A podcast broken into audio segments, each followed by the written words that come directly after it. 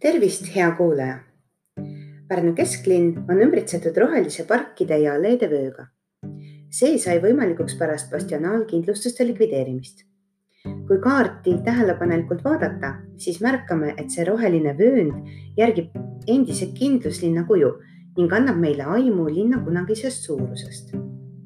Pärnu üks tuntumaid ning kahtlemata ka ilusamaid parke on Koidula park ning sellest täna juttu tulebki veel enne, kui pargi rajamist tuhande üheksasaja kahekümne kaheksandal aastal alustati, asus selle koha peal linna prügimägi, mida tunti ka kino Illusiooni järgi illusiooniplatsina.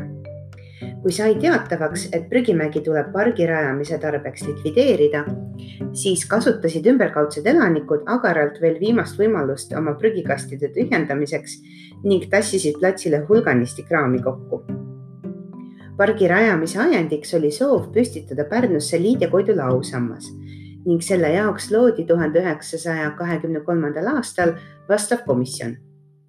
raha ausamba rajamiseks koguti peamiselt annetustena. konkursile esitati kuus kavandit, mille hulgast valiti Amandus Adamsoni esitatud töö.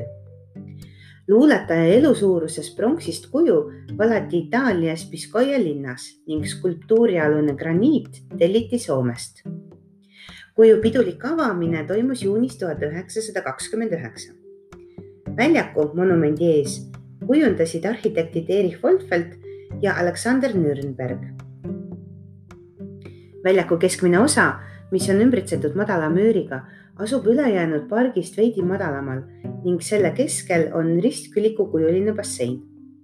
Amandus Adamsoni soovi kohaselt istutati müüri äärde valged floksid, mis olid olnud Koidula lemmiklilled avamisel viibis hulganisti rahvast ning nende seas ka skulptor ise, kelle jaoks jäi Koidu lausammas viimaseks tööks.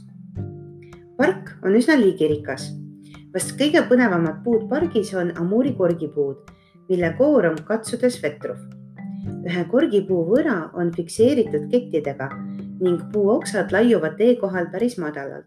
seega peavad pikemad kasvu inimesed olema tähelepanelikud, et pargis jalutades pead ära ei lööks kui kevadel ilmad soojaks lähevad ning taimed hoo sisse saavad, siis tasub Koidula parki kindlasti külastada.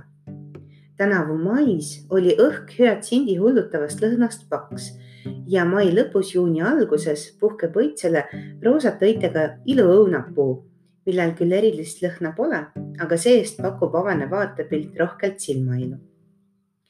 nagu purskkaevude puhul kombeks, siis soovitakse soov visades vette münt on aga teada lugusid, kui pidulised on käinud endale öösel taksoraha basseinist korjamas. muide, veel mõni aasta tagasi elas basseinis üks koger, keda kahjuks viimasel ajal enam märgata ei ole. mina olen Veronika ning te kuulasite Pärnu Private Tours podcasti. kohtumiseni ekskursioonidel